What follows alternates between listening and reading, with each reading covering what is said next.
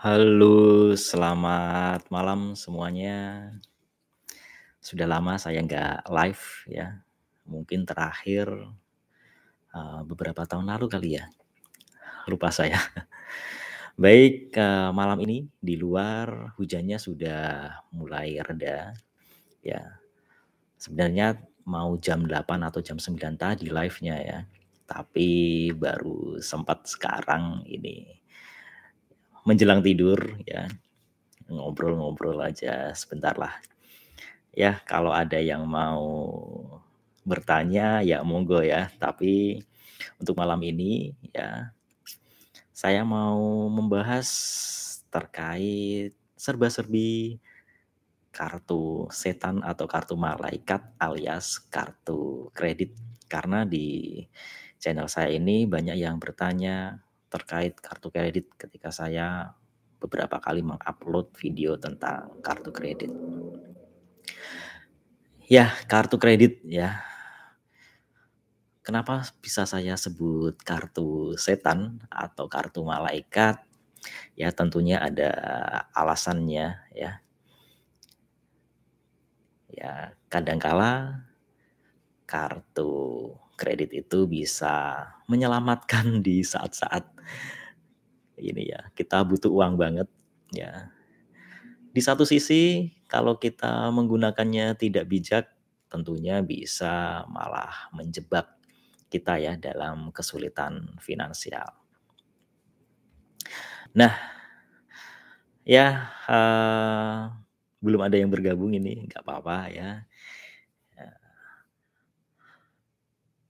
Ya, sudah sekitar mungkin saya punya kartu kredit itu sekitar 10 tahun yang lalu kali ya, saya lupa. Awal-awal punya kartu kredit itu saya diberi kartu kredit tambahan dari kakak saya ya, dari kakak saya dan kes semakin ke sini saya karena sudah punya penghasilan sendiri, akhirnya bikin kartu kredit sendiri. Nah, dalam memilih kartu kredit ya, dalam memilih kartu kredit, saya seringnya itu memilih kartu kredit yang menawarkan, eee, bebas iuran tahunan. Nah jadi tidak semua bank penerbit kartu kredit itu membebankan iuran tahunan, ada yang menggratiskan. Ya, coba aja cek ya, daripada setiap tahun kita bayar iuran tahunan sekitar berapa ratus ribu gitu ya, ya kalau bisa gratis ya kan lebih menyenangkan kan bagi kaum mendang-mending kayak kita ya, kaum price sensitive ya. Kalau orang kaya sih nggak masalah ya. Tapi kalau buat kita sih, ya kalau bisa gratis kenapa enggak ya, iuran tahunan itu. Nah pilih yang iuran tahunan gratis kalau bisa ya. Tapi biasanya yang iuran tahunan gratis itu ya mungkin fitur-fiturnya ya dasarlah, nggak nggak banyak, eee, ini ya, semacam mungkin promo-promo ya atau, eee, apa, fitur-fitur tertentu ya. Nah selain iuran tahunan gratis ya, saya juga pertimbangan dalam memilih kartu kredit itu yang menawarkan gratis lounge ya, gratis lounge di bandara. Nah, kan asik tuh ya, kalau di bandara kita nunggu pesawat atau malah pesawatnya delay, kita bisa nongkrong, bisa makan cemilan atau makanan berat di lounge ya, lounge, eee, ya nyaman tentunya ya, di situ. Nah, itu salah satu pertimbangan ketika ada yang menawarkan kartu kredit ke saya, "Ini gratis lounge atau enggak?" "Oh gratis Pak." "Oke, tapi biaya tahunannya ini ya Pak, eee, Rp600.000." "Hah, Rp600.000? Lumayan mahal nih." "Tapi nggak apa-apa Pak, ka ini gratis 1 tahun pertama, untuk tahun-tahun berikutnya nanti bisa dihapuskan kalau transaksinya bagus. Bisa bisa call ke CS-nya ya, call center-nya ya, itu bisa digratiskan." Oke, saya ambil. Beberapa kartu kredit saya, eee, oh ini tinggal 1 aja, tinggal 1 kartu kredit saja yang gratis lounge itu ya, yang BNI Garuda itu ya. Nah di samping itu ada kartu kredit yang mungkin bekerja sama dengan, eee, berbagai ini ya, eee, korporat ya, eee ataupun ini ya, apa perusahaan-perusahaan tertentu ada kartu kredit yang bekerja sama dengan marketplace online ya, mungkin Tokopedia, Blibli ya. Ada yang bekerja sama dengan maskapai ya, Garuda Indonesia dan yang lain. Ya banyak sekali ya, kartu kredit yang co-branding ya, co-branding dengan perusahaan-perusahaan besar ya. Nah, tentunya masing-masing kartu kredit itu memberikan keunggulan sendiri-sendiri, seperti halnya kartu kredit saya yang, eee, BNI co-brand dengan Garuda itu memberikan benefit. Ya, setiap poin transaksi saya itu langsung di-convert, dikonversi menjadi miles Garuda. Ya, dan lumayan ya, kemarin mudik saya, eee, tiketnya gratis itu, ya tiketnya gratis karena menukarkan miles Garuda saya ya dengan tiket mudik ya. Cuma bayar, eee, mungkin semacam airport tax dan pajak-pajak ya. Cuma sedikit. Nah, saya juga, eee, kebetulan punya kartu kredit, apa itu, BCA Blibli. Nah, dengan kartu kredit BCA Blibli itu saya yang saya senang itu ini, apa ka kalau beli token listrik di Blibli, ya misalkan ya saya beli token listrik Rp200.000 itu dapat diskon, eee, 10%, sekitar Rp20.000. Nah lumayan kan? Nah, lumayan ya, eee, jadi pandai-pandailah memilih kartu kredit yang memberikan benefit. Nah, tapi jangan sampai terlena ya, eee, meskipun memberikan benefit, tapi kita perlu mengatur pengeluaran kita dengan bijak. Ya, kartu kredit itu kan memberikan kemudahan dalam pembayaran, ya pembayaran tunai ataupun nah ini, cicilan, bahkan cicilan 0%. Promo-promo cicilan 0% itu kalau kita tidak bijak ya mencermatinya ya, itu kita bisa terjebak loh, ya meskipun 0%. Karena apa? Karena kan ketika dicicil 0% itu kan harga barang yang tadinya mahal belasan juta, puluhan juta, ya itu kan bisa menjadi murah, apalagi tenornya bisa 12 bulan, 18 bulan, bahkan 24 bulan. Ya, itu kan bisa murah. Nah, tapi kalau, eee, kita banyak ngambil cicilan di mana-mana karena itu ya, murahnya tadi, nggak kerasa menjadi bukit ya cicilan itu ya, setiap bulan, "Loh kok tiba-tiba cicilan saya banyak banget?" Dan itu akan berjalan selama berbulan-bulan, lebih dari 1 tahun bahkan. Nah, oleh karena itu kita perlu bijak, perlu ngerem ya, kartu kredit itu bisa jadi kartu setan, eee, manakala bisa men-trap, menjebak kita, ya bisa kalau kita nggak mampu membayar bisa gali lubang tutup lubang, waduh bahaya itu. Ya, sebisa mungkin kalau punya kartu kredit ya, ketika ada tagihan jangan dilunasi minimumnya saja, ya sebisa mungkin langsung dilunasi, berapa tagihannya itu. Ya, agar kita tidak menumpuk menumpuk menumpuk tagihan itu. Karena apa? Tagihan kartu kredit itu kan bunga berbunga ya, ketika kita tidak membayar lunas, akan dikenakan bunga. Apalagi kalau kita nah ini, lupa, eee, sampai melebihi jatuh tempo pembayaran kartu kredit. Kita selain dapat bunga berbunga itu tadi ya, kena bunga berbunga itu tadi, kita kena ini juga denda. Ah, dendanya lumayan itu, ya kena denda bayaran kartu kredit. Jadi ingat-ingat betul kapan ya jatuh tempo pembayaran kartu kredit itu. Ya, kita perlu ngecek ya, apa, tagihan itu ya, yang mungkin dikirim via pos atau via email ya, biasanya sekarang lewat email itu tagihannya. Atau kita bisa lihat di internet banking kita. Ya, kadang, eee, ada yang fix tanggal itu ya jatuh temponya, ada yang, eee, mungkin selisih 1 atau 2 hari dari tanggal biasanya, sesuaikan dengan hari kerja ya. Nah, Itu ya, jadi kartu kredit itu bisa jadi kartu malaikat ya, manakala kita, waduh ini tanggal tua dan kita mendadak harus pulang kampung, naik pesawat.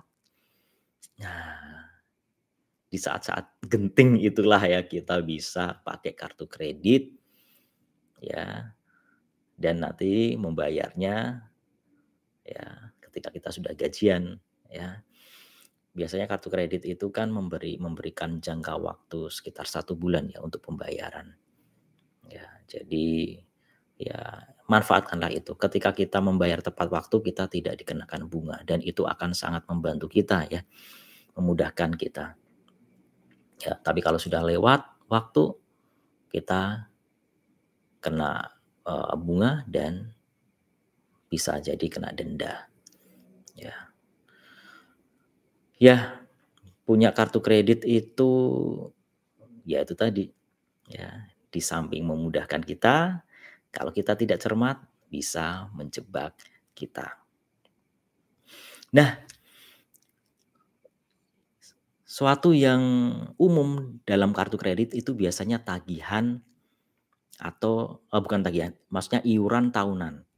Ya, semacam abonemennya itu ya, iuran tahunan. Nah, ada beberapa kartu kredit Kak, saya ada yang gratis iuran tahunan, ada yang sekitar Rp125.000 per tahun, ya itu kartu BCA yang basic itu ya, itu Rp125.000-an itu setahun. Atau, eee, BNI saya yang co-brand dengan Garuda itu sekitar Rp600.000. Nah, tagihan-tagihan iuran tahunan itu bisa kita hapuskan. Ya, ketika kita mendapatkan tagihannya, tagihan, "Loh kok ada iuran tahunan nih?" Nah, kita bisa telepon call center untuk menghapusnya. Ya.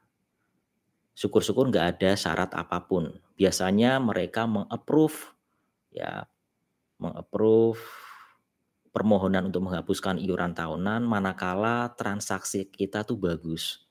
Ya, mutasi transaksi kita tuh bagus, pembayaran kita, ya tepat waktu, kita tidak pernah nunggak, ya. Baguslah pokoknya track record kita tuh bagus, eee, transaksi juga bagus, ya. Jadi, mereka tidak segan untuk menghapuskan iuran tahunan, ya. Karena nasabah, customer yang disiplin membayar tagihan, ya transaksinya bagus, itu kan perlu di-maintenance ya. Ya, jangan dengan pendekatan punishment ya atau saklek gitu ya. Nah, mereka kan pengen pengen terus kita menggunakan kartu kreditnya. Nah itu ya, jadi jangan segan untuk menelpon call center untuk menghapuskan iuran tahunan manakala kita track record kita bagus, transaksi kita juga bagus. Biasanya di-approve sih, kemungkinan besar di-approve. Itu ya. Nah, ada beberapa pertanyaan, eee, terkait limit kartu kredit. Nah, saya menyarankan kita, eee, pakailah kartu kredit tidak melebihi limit. Ya, selain itu akan apa, menjaga kita dari semacam apa, biaya charge ya kalau kelebihan limit, juga inilah untuk menjaga kondisi finansial kita. Ya, kadang kalau kadang kalau memungkinkan kartu kredit itu melebihi limit ya, tagihannya kita kan juga akan besar, ya. Dan kita tentunya inilah apa, lebih kesulitan ya dalam membayar, mungkin ya, mungkin kesulitan dalam membayarnya. Ya. Ada kartu kredit yang sangat ketat dengan limitnya, ya susah mendapatkan limit yang besar ataupun, eee, susah naik limit ketika melakukan pengajuan kenaikan limit. Ya, mungkin bank penerbit kartu kredit itu punya pertimbangan tertentu, ya melihat profil kita, ya agar ya tidak terjadi default, gagal bayar ataupun ini ya, ya potensi untuk kredit macet kartu kredit tidak terlampau besar. Tapi ada pula bank yang agresif, nggak kita minta pun, limit kita itu bertambah terus bertambah terus bahkan sampai ratusan juta. Wow, saya padahal nggak pernah minta. Ya salah satu kartu kredit saya ada yang seperti itu. Nah, saya kalau kartu kredit dengan limit yang besar bukannya mungkin bukan bahagia tapi malah khawatir gitu ya. Jadi jangan senang dulu kalau kartu kredit kalian itu punya limit yang besar.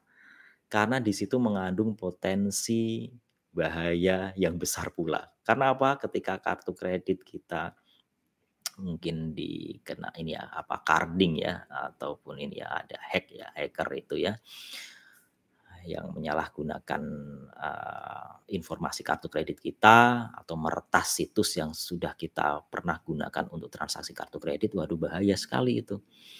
Ya, oleh karena itu tips dari saya juga ketika teman-teman, kawan-kawan melakukan transaksi kartu kredit di situs-situs tertentu, pakailah kartu kredit yang limitnya paling kecil.